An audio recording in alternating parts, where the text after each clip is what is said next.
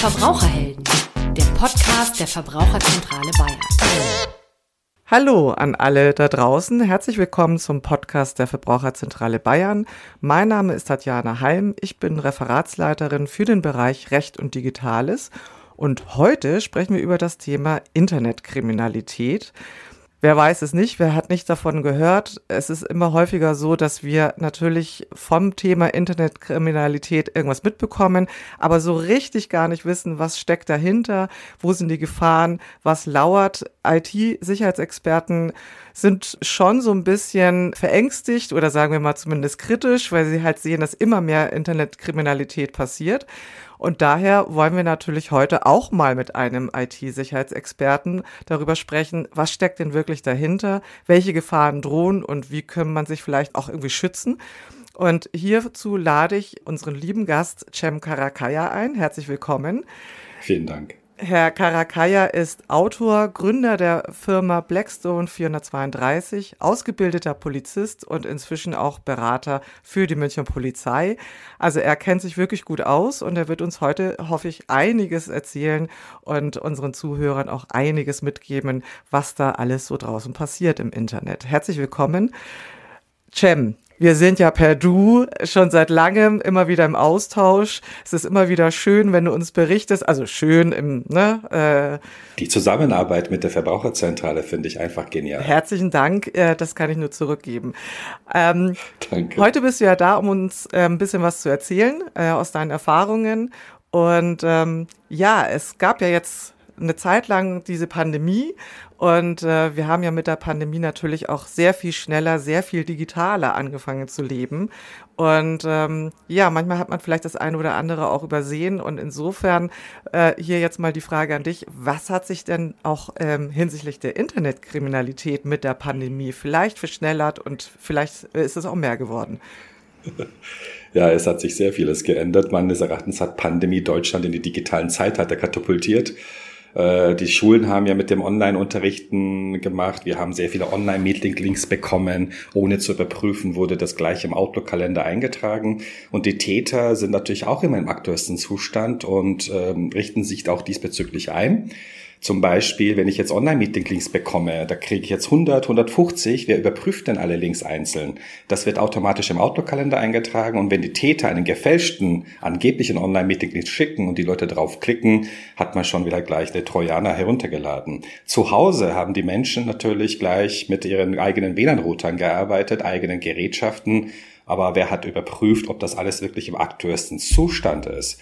Die Täter wussten Bescheid, die Menschen sitzen zu Hause, shoppen online ein und dann haben sie per Smishing, sogenannte Phishing per SMS-Nachricht, haben sie geschickt, angeblich DHL-Paket konnte nicht zugestellt werden, haben drauf geklickt und schon hat mein, mein Smartphone verseucht, weil die Menschen haben das leider immer noch nicht äh, begriffen, dass das Smartphone kein Handy ist. Man nennt zwar immer so Handy, aber das ist kein Handy. Handy ist das Gerät, wo ich telefonieren kann, SMS-Nachrichten verschicken und höchstens Snake spielen kann. Das ist Handy. Das Smartphone hat Mikrochips drin, Controller, ein Betriebssystem drauf. Es ist Computer und daher ist auch das Smartphone von solchen Angriffen, insbesondere von Viren, Trojaner, insbesondere Android-Smartphones davon meistens betroffen. Und ähm, dann haben wir natürlich auch diese ganze Videocalls, werden wir wahrscheinlich dann auch gleich ausführlich darüber äh, besprechen. Aber meistens haben wir quasi bei Phishing-E-Mails, weil vor Corona oder vor Pandemie war das so, dass wir Phishing-E-Mails zwar immer hatten, aber während der Pandemie oder nach der Pandemie hat sich das wirklich, was weiß ich, ich weiß die Prozent jetzt überhaupt nicht, aber sehr, sehr viele geworden, die Phishing-E-Mails. Und wenn die Menschen darauf klicken, dann ist es wieder alles schon rüber. Und daher muss man halt wissen, das kann jeden betreffen, sogar auch mich, obwohl ich mich damit auskenne, weil wir haben auch nicht 24 Stunden lang Aufmerksamkeit. Wir dürfen nur das Leben für die Täter nicht so einfach machen, weißt? Aber äh, sind wir so naiv, was Phishing angeht? Also man ist ja auch irgendwie so langsam ein bisschen konditioniert oder sagen wir mal vielleicht auch abgestumpft. Ne? Man hört immer Phishing hier, ja. Phishing dort. Man hat unglaublich viele Phishing-E-Mails auch. Ähm, also das heißt, sind wir da auch unaufmerksam geworden, weil wir das vielleicht auch gar nicht mehr hören wollen und hören können. Und wird das vielleicht auch ausgenutzt oder ist es einfach so, dass man einfach bei der Aufmerksamkeit bleiben muss, weil die Gefahren so groß sind? Also ich muss zugeben, ich weiß ich nicht kennen, lösche ich inzwischen einfach, damit ich gar nicht mehr drüber nachdenken muss. Richtig. Ja, es gibt ja eine ganz einfache Methode eigentlich. Wenn ich jetzt eine Phishing-E-Mail bekomme, angeblich vom PayPal, sage ich mal jetzt, Und wenn ich mit dem Auszeiger auf die E-Mail-Adresse draufkomme und ein bisschen warte, kommt ja gleich ein Fenster daneben und zeigt mir die tatsächlich hinterlegte E-Mail-Adresse. Und wenn die beide nicht übereinstimmen, hundertprozentig Phishing. Und mit, nur mit dieser Methode haben wir circa, würde ich mal schätzen, zwischen 60, 70 Prozent aller Phishing-E-Mails schon abgewehrt. Ja, das ist ja einfach. Ja, richtig. Dasselbe kann man auch mit dem Link machen. Ohne zu klicken bitte, komme ich wieder mit dem Mauszeiger drauf und dann warte ich ein bisschen, kommt wieder ein Fenster und zeigt mir die tatsächlich hinterlegte Internetseite. Wenn die wieder beide nicht übereinstimmen, löschen, hundertprozentig Phishing. Aber die Phishing-E-Mails sind auch wirklich sehr viel professioneller geworden, muss man dazu sagen. Und wenn man natürlich gerade jetzt eine Bestellung wartet oder irgendetwas bestellt hat und an, zufälligerweise jetzt von DHL eine Nachricht kommt, dann klicke ich drauf, wo ist mein Paket und schon ist es eigentlich vorbei. Das Problem ist, es geht wirklich ganz schnell. Und die Täter haben das leider einfach. Ich glaube, Internetkriminalität hat direkt auch mit der menschlichen Faulheit was zu tun. Nennen wir es Bequemlichkeit. Ja, aber weil, weißt du, weil nach meinen Vorträgen kommen manche Menschen zu mir und sagen, ich habe nichts zu verbergen, sie können von mir alles haben. Dann sage ich, okay, wenn das so ist, dann geben Sie mir bitte Ihre Kreditkartennummer, damit ich schön im Internet einkaufen kann. Wie jetzt? Ich dachte, es ist alles für Sie unwichtig. Smartphone her, ich möchte Ihre WhatsApp-Nachrichten lesen. Wie jetzt? Ich dachte, es ist alles für Sie unwichtig. Jeder hat was zu verbergen, was ich hoffe. Passwörter, Zugangsdaten, Bankkontodaten etc. Ja, es ist ja auch äh, vielleicht auch so die, einfach dieses Persönliche. Das sind ja noch nicht mal irgendwie Daten, die man dann halt anderweitig missbrauchen kann, sondern einfach das Persönliche. Man möchte ja auch nicht jedem Richtig. draußen sein ganzes Leben erzählen, weil man ja dann trotzdem Richtig. so ein diffuses Gefühl hat, ähm, was kann denn damit passieren. Ähm, wir hatten ja gesagt, jetzt ist ja das Leben dann noch digitaler geworden. Äh, kurze Zwischenfrage: Outlook-Termine, da kriege ich jetzt auch äh, ziemlich viele. Ähm, die sollte man auch äh, nochmal genauestens kontrollieren, von wem sie kommen, wenn man jetzt nicht irgendwie eine Terminanfrage erwartet, so wie wir uns ja über Outlook verabredet haben. Äh, richtig. Also im Grunde genommen, da gibt's auch die Möglichkeit, manche Antivirusprogrammanbieter bieten das an, dass solche SMS-Nachrichten erstmal in einen Container reinkommen. Das habe ich zum Beispiel von meinem Antivirusprogramm, so eine Art App, äh, nennt sich halt Maßnahme gegen Smishing. Und wenn die Links, äh, wenn ich jetzt einen Online-Meeting-Links bekomme, kommt das erst in den Container rein, dann wird das überprüft, ob das wirklich jetzt irgendeinem Videoanbieter tatsächlich umgeleitet wird oder irgendeine andere Seite. Wenn andere Seite, kommt das nicht in meinem Outlook-Kalender rein. Wenn es ein Anbieter, Videokonferenzprogrammanbieter ist, kommt in meinem Outlook-Kalender rein.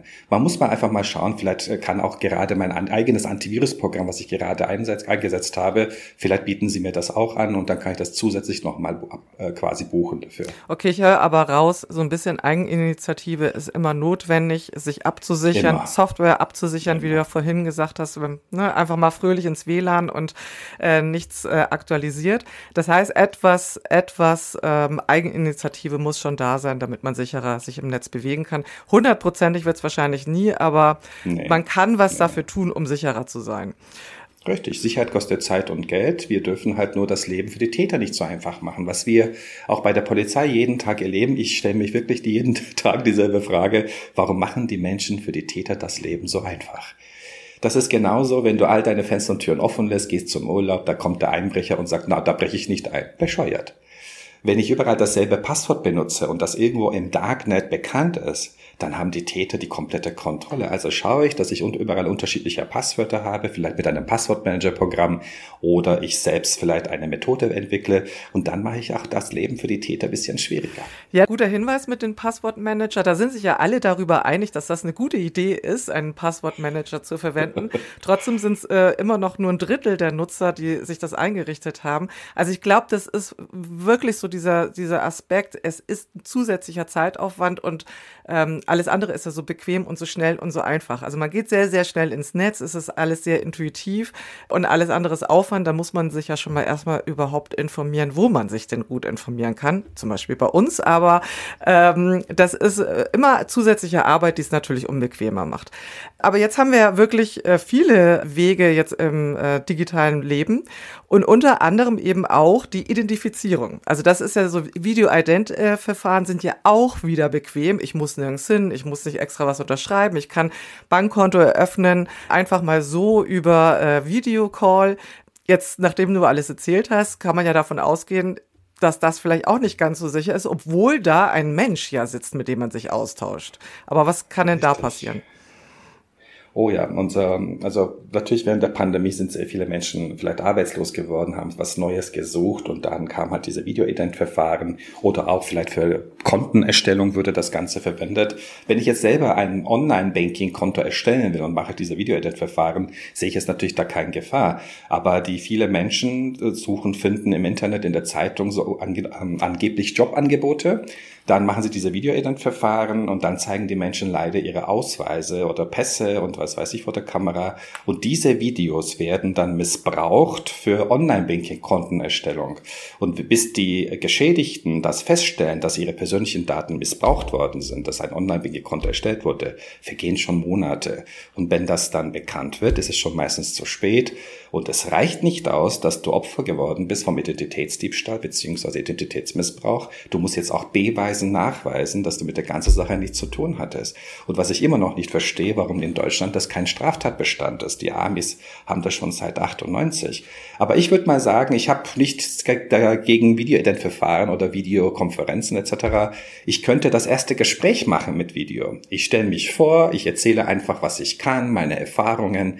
Haben Sie Interesse für mich? Ich komme gerne zu Ihnen und ich verspreche Ihnen, ich bringe auch meinen Ausweis mit. Aber ich halte ihn nicht in die Kamera. Nein, auf keinen Fall. Ich würde das nicht machen. Du weißt zwar, es sitzt ein Mensch äh, gegenüber, aber du weißt nicht, wer das ist und wer was machen kann. Und dieser Personalausweis, da steht unser Name, Vorname, Geburtsdatum. Auf der Rückseite steht sogar unsere Anschrift. Und genau diese Daten werden ja richtig missbraucht, dass die Leute sogar über meine persönlichen Daten gefälschte Shoppingseiten erstellen. Und da diesbezüglich haben wir auch sehr viele Geschädigten. Geburtsdatum insbesondere muss man echt darauf achten. Ich sage immer, geben Sie vielleicht Ihr Geburtsjahr richtig ein, aber nicht Monat und Tag, weil mit deinem Name und mit dem Geburtsdatum kann ich ja richtig vergleichen und weiß, dass es höchstwahrscheinlich tatsächlich um diese Person geht. Deswegen würde ich diese persönlichen Daten wie ein Schatz betrachten, dass ich nicht immer überall bekannt gebe und darauf achte, wo gebe ich meine Daten ein. Und ich stelle mir auch die Frage, muss ich diese Daten eingeben? Ich gehe auf meinem Smartphone, schaue unter Datenschutzeinstellungen. Welche App hat wo Zugriff? Frage, habe ich eine sogar eine DSGVO-Frage? Datenschutzgrundverordnung, wo da heutzutage so laut darüber geschrien wird. Dann sage ich mal zum Beispiel irgendeine kostenlose Spiele-App, wo ich nur Bonbons platzen will. Dann sehe ich, die haben Zugriff auf ein Adressbuch. Ja, dann ist meine Frage, wissen die Menschen in meinem Adressbuch, dass eine XY-Firma auf deren persönlichen Daten Zugriff hat? Weil da steht ja meistens dein Name, Vorname, vielleicht sogar Geburtsdatum, Anschrift etc. Was ist jetzt mit Datenschutz, mit DSGVO und etc.? Und das ist immer so unverhältnismäßig. Wir erwarten zwar vieles, aber was ist die allergrößte Lüge im Internet? Ich habe die AGBs gelesen und verstanden. Ja, das stimmt. Das, äh, das, das hat mir sogar schon mal ein 16-Jähriger gesagt, der äh, sehr bewusst damit äh, schon umgegangen war.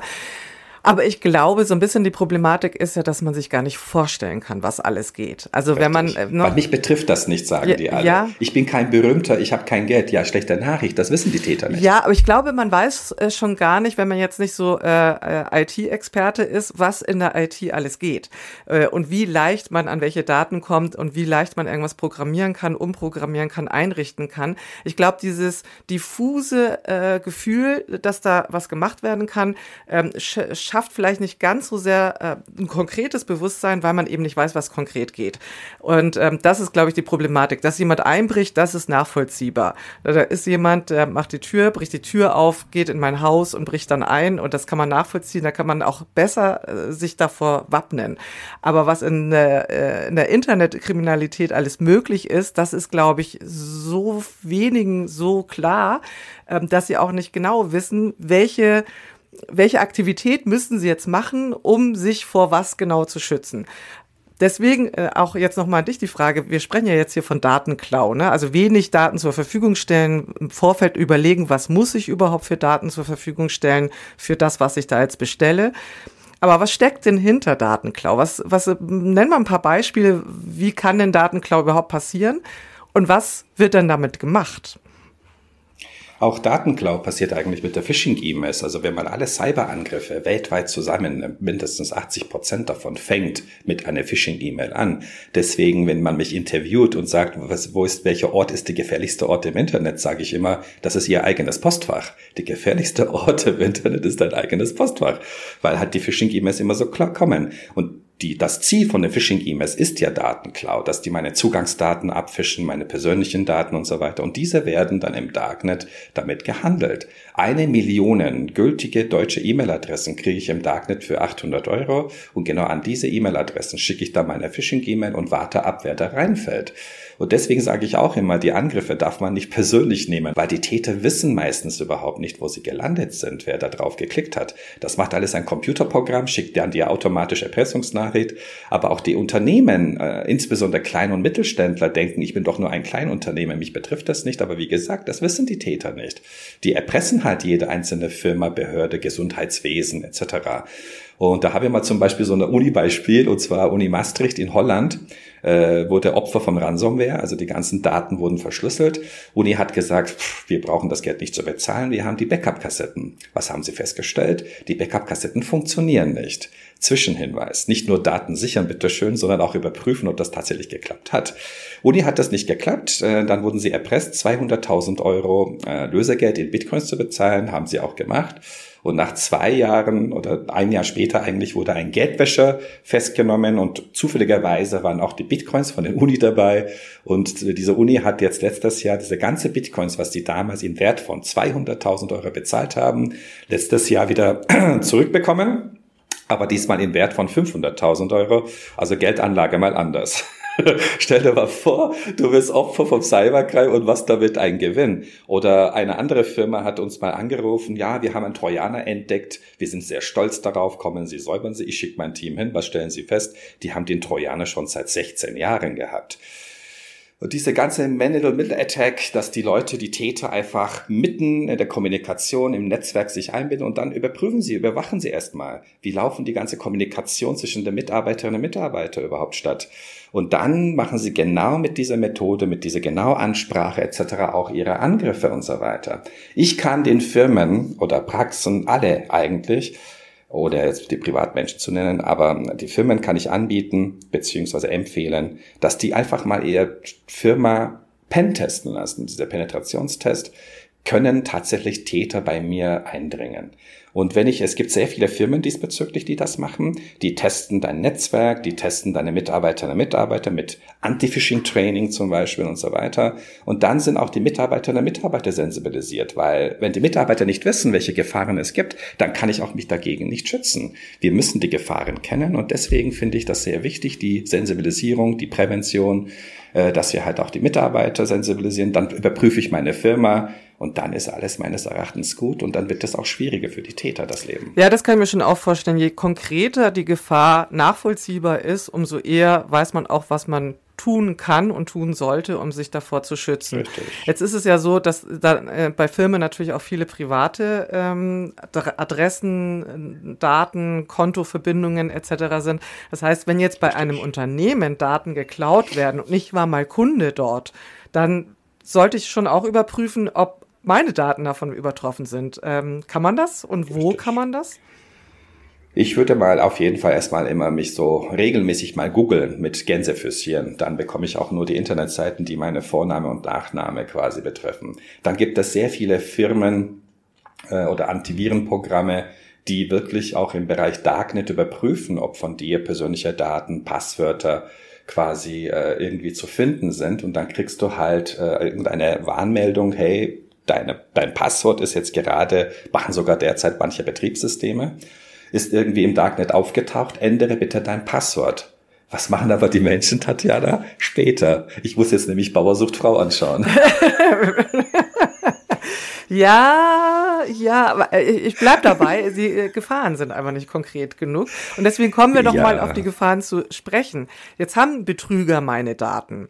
Ähm, also ich würde mal sagen, zum einen zum Phishing, wahrscheinlich aber auch über andere Wege. Wir stellen ja inzwischen sehr viele Informationen ja auch ähm, über soziale Netzwerke äh, zur Verfügung, ne, dass man dann irgendwie Flugverbindungen dann einfach mal Ticket in, in die Kamera hält. Da können wir auch gleich nochmal drauf zu sprechen kommen. Aber Jetzt haben Sie diese Daten. Wie genau können Sie mir als privaten Nutzer den Schaden? Also wie wird dann äh, das Ganze zu Geld gemacht? Weil ich meine, am Schluss wollen ja alle Betrüger dann halt hinten raus ja Geld haben. Richtig. Also wenn ich jetzt meine Telefonnummer, Geburtsdatum, Anschrift, Name, Vorname, diese Daten missbraucht werden, gibt es dafür sehr viele Methoden. Erstens können die Täter mit meinen persönlichen Daten Seiten erstellen. Mit Video-Edit-Verfahren haben wir gerade gehabt, Online-Bankkonto erstellen. Äh, die Täter können mit meinen Daten handeln, verkaufen, weiterverkaufen, damit vielleicht andere Tätergruppierungen mich am Telefon anrufen und nennen sich als Microsoft, Europol, Interpol. Also es wird hin und her immer gehandelt mit persönlichen Daten und dann kommt es, wie du gerade gesagt hast, mit den sozialen Netzwerken dazu. Das sind nicht nur meine persönlichen Daten, sondern es geht auch um mein digitales Ich. Was mag ich, was mag ich nicht? Was interessiert mich, was interessiert mich nicht. Und wenn die Täter solche Informationen haben, dann wissen die auch genau Bescheid, wie kann ich mit ihm Kontakt aufnehmen.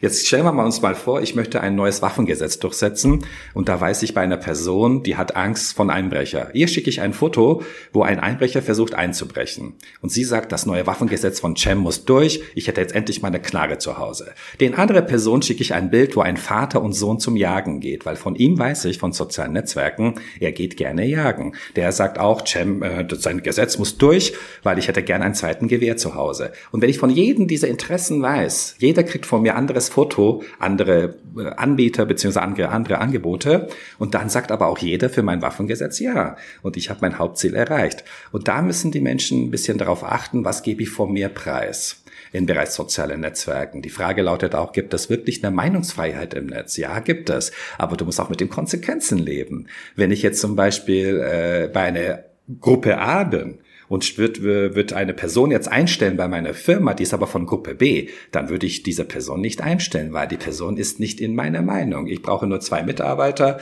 habe ich 200 Bewerbungen und die Leute schicken immer Bewerbungsunterlagen, braucht man heutzutage nicht. Du findest ja alles im Internet, dann schaust du die Person an in sozialen Netzwerken, schaust die Fotos an, möchte ich diese Person bei meiner Firma haben. Ich habe mal bei meiner Firma eine Dame eingestellt, weil ich habe über sie im Internet gar nichts finden können, gar nichts. habe ich gesagt, einstellen. Und dann aber, aber die Partyfotos von ihr auf dem Insta-Account von ihrem Papa gefunden. Also sie hat selber darauf geachtet, aber ihr Papa nicht. Dann habe ich ihr gesagt, sie, ich stelle sie schon ein, aber bitte sprechen Sie mit Ihrem Vater, dass er mal auch mal ein bisschen darauf achtet. Normalerweise sagst du den Eltern, sprechen Sie bitte mit Ihrem Kind, bei mir war das umgekehrt. Und da muss man halt einfach die zwei Fragen stellen, Tatjana, bevor ich was hin und her verschicke, hochlade. Muss das sein? Kann das sein, dass ich später in der Zukunft vielleicht bereue? Ja, aber da sind wir jetzt ein bisschen abgekommen, weil äh, da würde ich später gerne nochmal genauer drauf zu sprechen kommen.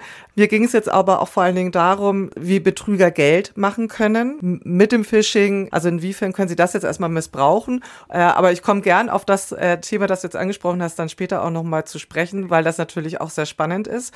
Aber wir sind ja jetzt noch beim Geld. ja, also Geld geht es ja auch darum, weil die, die Täter arbeiten ja wie eine Firma. Die haben auch ihre eigene Geschäftszimmer, Abteilungen und so weiter. Der einzige Unterschied Unterschied ist, sie müssen nicht an die Gesetze dran halten, sie müssen nicht an DSGVO halten und so weiter. Aber wie mache ich damit Geld, wenn ich jetzt mit, per Phishing Haufen Zugangsdaten quasi äh, abgefischt habe? Diese Daten kommen in eine Datenbank rein. Wenn ich äh, persönliche Daten habe, E-Mail-Adressen, dann kann ich die Firmen äh, Phishing-E-Mails schicken. Wenn ich weiß, wie die Kommunikation läuft und wenn ich dann die Firma dann eine Phishing-E-Mail schicke mit Anhang und die klicken drauf, werden alle Daten verschlüsselt. Was passiert? Kommt die Erpressung.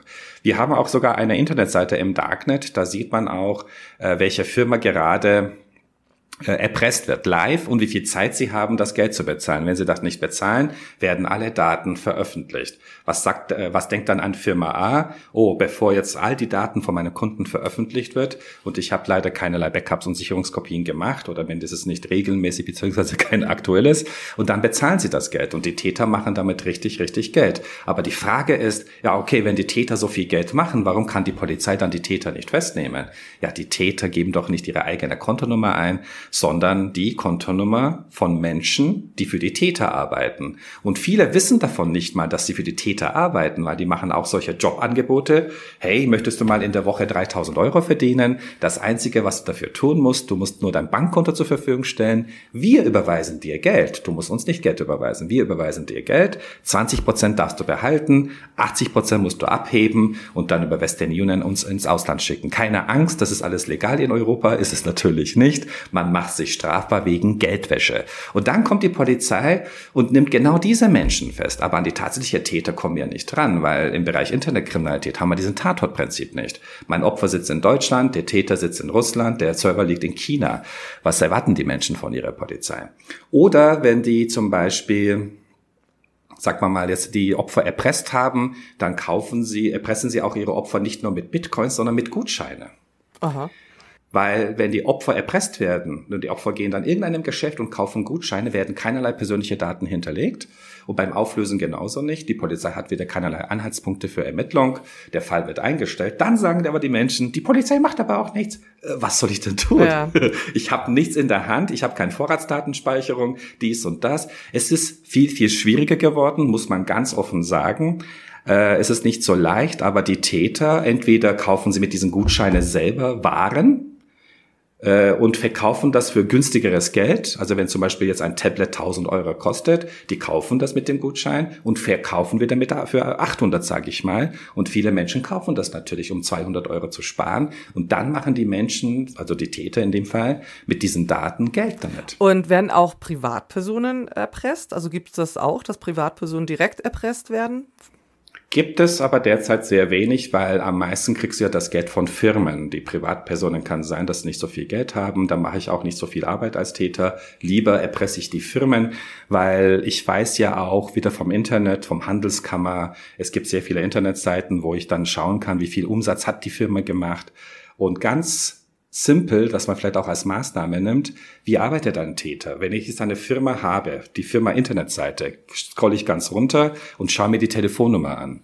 Wenn nach Minus dreistellig sind, sind es meist mindestens 1000 Mitarbeiterinnen und Mitarbeiter. Zweistellig 100 Mitarbeiterinnen und Mitarbeiter. So kann der Täter sogar sehen, aha, so viele Mitarbeiterinnen und Mitarbeiter hat diese Firma, also kann ich so auch erpressen, dann wird der Betrag festgestellt, äh, festgesetzt etc. Deswegen empfehle ich immer, bei Telefonnummern schreiben sie einfach hintereinander die ganzen Ziffern ohne Minus. da kann man das nicht rauskriegen, wie viele Mitarbeiterinnen und Mitarbeiter ich habe bei meiner Firma. Oder ich schaue auch die sozialen Netzwerke der Firma an und schaue, welche Aktivitäten sie haben. Und dann erpresse ich auch die Firma diesbezüglich. Aber die persönliche, die Privatpersonen sind jetzt nicht so viel davon betroffen. Weil da haben wir natürlich, äh, als Verbraucherzentrale haben wir da natürlich ja dann schon durchaus Hinweise und Beschwerden und Informationen von Verbrauchern. Deswegen jetzt nochmal diesen Blickwinkel. Äh, ähm, da geht's dann halt eben auch teilweise um ähm, unerlaubte Telefonwerbung, um ähm, dann auch ähm, Datenidentitätsdiebstahl, dass man dann halt auf Kosten des Verbrauchers dann halt irgendwelche äh, Käufe getätigt hat äh, oder auch die klassische pornografische Erpressung, weil das mhm. natürlich auch ein Thema ist, bei dem dann die äh, Verbraucher vielleicht auch sich so ein bisschen ertappt fühlen. Da ist zwar gar nichts passiert, aber man möchte ja nicht irgendwie unbedingt in den Ruf kommen. Also äh, ist das dann auch in Folge eines Datenklaus, Folge von Datenmissbrauch oder wie kommen dann diese ähm, diese Erpressungen und diese Aktivitäten dann zustande? Und zwar im Darknet, wie gesagt, wenn ich jetzt eine Million E-Mail-Adressen, gültige E-Mail-Adressen kaufe für 800 Euro, dann schicke ich an diese eine Million E-Mail-Adressen diese angebliche pornografische Seite Besuch E-Mail. Automatisch, das macht ein Programm, nicht mal ein Mensch. Schickt automatisch und dann warte ich ab, wer da reinfällt. Weil, wie du auch gerade gesagt hast, die Menschen fühlen sich ertappt. Und jetzt kommt's. Im Darknet gibt es ja Seiten, wo ich Haufen Passwörter finde von Menschen. E-Mail-Adressen samt Passwörtern. Und jetzt schicke ich an diese E-Mail-Adresse eine E-Mail, hey, wir haben dich gehackt, dein Passwort lautet dies und das. Und wenn bei diesem Opfer zufälligerweise passt und das Passwort immer noch gültig ist, dann glaubt dieses Opfer tatsächlich, oh, ich bin wirklich gehackt worden. Die haben sogar von meiner eigenen E-Mail-Adresse geschickt. Wie kann das sein? Also wurde ich gehackt. Aber viele Menschen wissen nicht mal, dass es nicht mal ein Hexenwerk ist, dass man von seiner eigenen E-Mail-Adresse eine E-Mail bekommt, weil wenn du eine E-Mail schreibst, steht das ja an CC, Man kann auch diesen Fontfeld anzeigen lassen und diesen Fontfeld, wenn die Maßnahmen, richtige Maßnahmen nicht getroffen worden sind, kann ich jede beliebige E-Mail-Adresse eintippen. Sogar deine, Tatjana, sage ich, es kommt die E-Mail von Tatjana Halm hallo, hier ist die Verbraucherzentrale, ab sofort möchten wir die Menschen erpressen. Das Problem ist, Viele Menschen besuchen solche Seiten, muss man ganz klipp und klar sagen. Und dann fühlt man sich ertappt. Dann sehe ich mein, von meiner eigenen E-Mail-Adresse, mein eigenes Passwort, was immer noch gültig ist. Dann glaube ich daran und überweise das Geld. In dem Fall ist es nur ein Phishing-Versuch. Diese Nachricht stimmt natürlich nicht. Niemand war da drin und so weiter. Und wenn jemand jemand anderen erpresst, muss ich ganz ehrlich sagen, dann schicke ich auch im Anhang ein Bild, wo ich wirklich ein Bild von, von dir habe, wo du vor der Kamera dies und das gemacht hast. Oder Information, dann schicke ich das im Anhang, wenn ich jemanden erpresse. Weil nur einfach zu schreiben, ich habe dich gehackt, aber ich habe da nichts in der Hand. also einfach nicht dran glauben und einfach löschen. Ähm, lohnt es sich, sowas äh, der Polizei weiterzuleiten, Anzeige zu erstatten? Äh, einfach so, damit mehr Informationen vielleicht ankommen?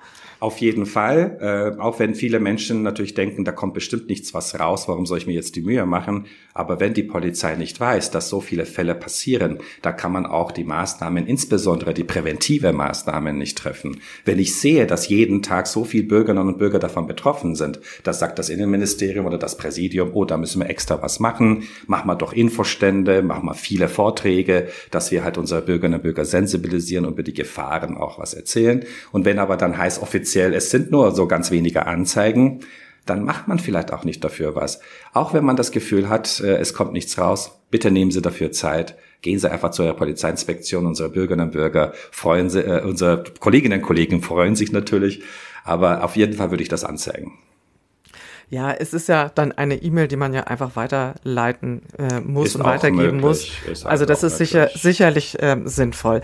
Ganz wichtig ist auch nicht nur bitte die Anzeige erstatten, wenn ich jetzt quasi einen Hinweis habe oder den, den Verdacht habe, dass meine persönlichen Daten missbraucht werden, dann würde ich sogar auch mit dem Aktenzeichen äh, zum Auskunfteien gehen, wie Schufa etc. Leute, schaut her, ich bin Opfer vom Identitätsdiebstahl geworden. Dann wirst du auch in diesem Schufa oder auch die anderen Auskunfteien eingetragen als Opfer. Und wenn die Täter mit deinen persönlichen Daten wieder was machen sollten, dann kriegt der Anbieter rot blinkend auf dem Bildschirm, weil die machen ja eine Abfrage. Achtung, Opfer vom Identitätsdiebstahl, dass dieser Anbieter diesen Vertrag vielleicht doch nicht äh, quasi abschließt.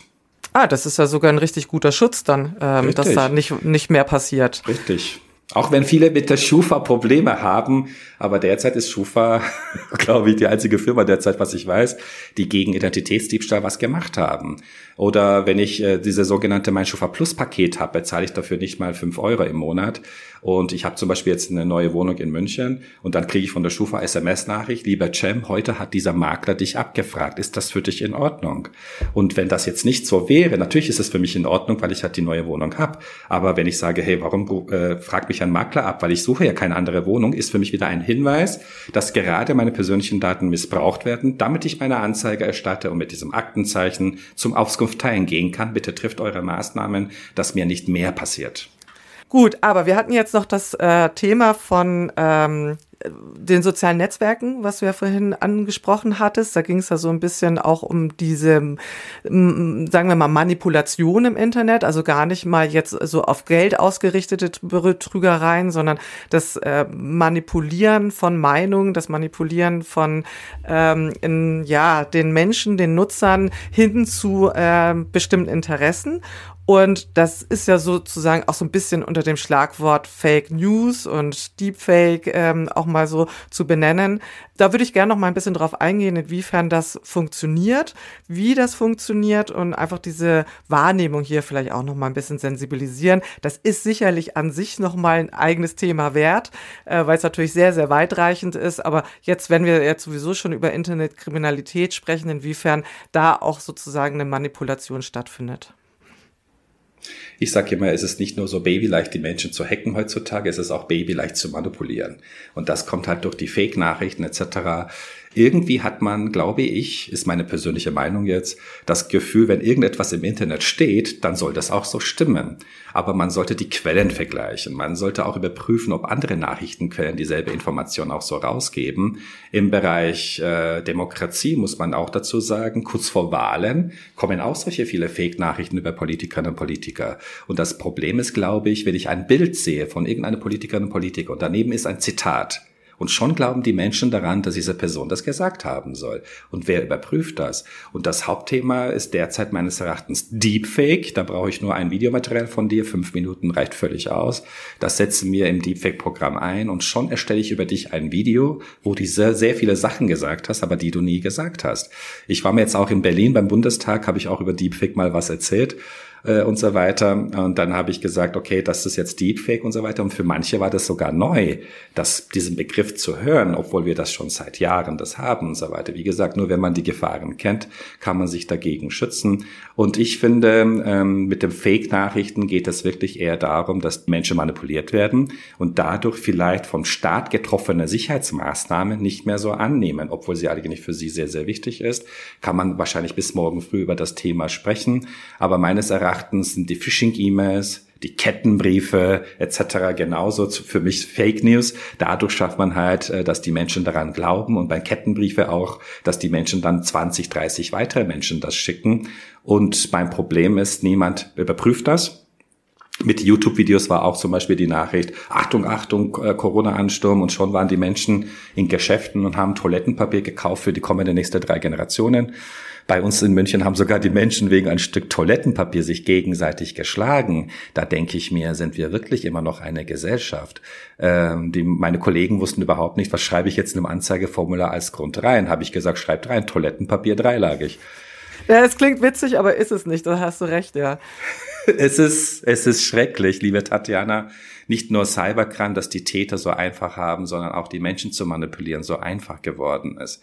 Weil niemand achtet drauf, niemand überprüft. Hauptsache ist es von meiner bekannten Person gekommen. Ist ein anderer Grund, warum man auch gleich so äh, Glauben schenkt, weil es kommt ja doch von meiner Tante, es kommt von meinem besten Freund, meinem Mann, mein Frau, meine Frau. Und dann irgendwie ist das, glaube ich, so psychologisch betrachtet automatisch, dass man auch daran glaubt. Und dann schickst du das selber an deinen Bekanntenkreis weiter. Und das ist der Grund, warum die Fake-Nachrichten so schnell verbreiten. Und der andere Grund ist, die Fake-Nachrichten sind spannend und die Wahrheit ist äh, zu langweilig. Ja, das stimmt. Das ist das stimmt. Man neigt ja immer so ein bisschen zu Verschwörungen, weil weil das natürlich spannender ist. Das sind dann halt irgendwie filmlike Themen. Aber alles in allem muss man ja sagen, es ist unheimlich viel Kritik und kritisches Denken und Hinterfragen äh, notwendig, um im Netz nicht auf irgendwas hereinzufallen.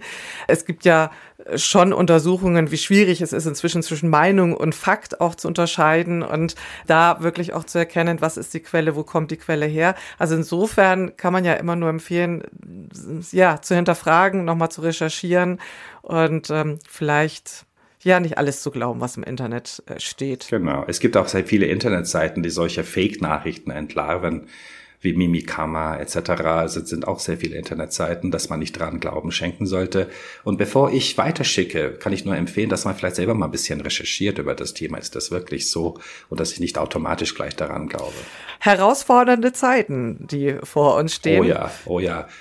Du, unsere Eltern hatten das Problem nur gehabt, schaut mein Kind zu viel Fernsehen und liest mein Kind Dr. Sommer. Das war's. Ja, das stimmt, das war ja noch die Bravo, ne? ja, genau. Jetzt haben heute die Eltern auch die schwierige Möglichkeit, das ist ja andere Bereich. Die Kinder bringen ja den Eltern technisch bei, wie alles funktioniert, was eigentlich andersrum sein sollte. Und ich sage auch immer, ganz ehrlich, wenn jemand heute über Kinderschutz, Jugendschutz spricht, lache ich mich tot, existiert heute nicht mehr weil die Kinder wissen überhaupt nicht. Da man, nicht nur Kinder und Jugendliche, viele erwachsene Menschen denken, das Internet ist ein rechtsfreier Raum. Und wie wir alle wissen, äh, jeder Straftatbestand, was ich im Strafgesetzbuch finde, gilt auch für das Internet. Ich kann nicht jemanden beleidigen, bedrohen, erpressen. Das sind alles Tatbestände.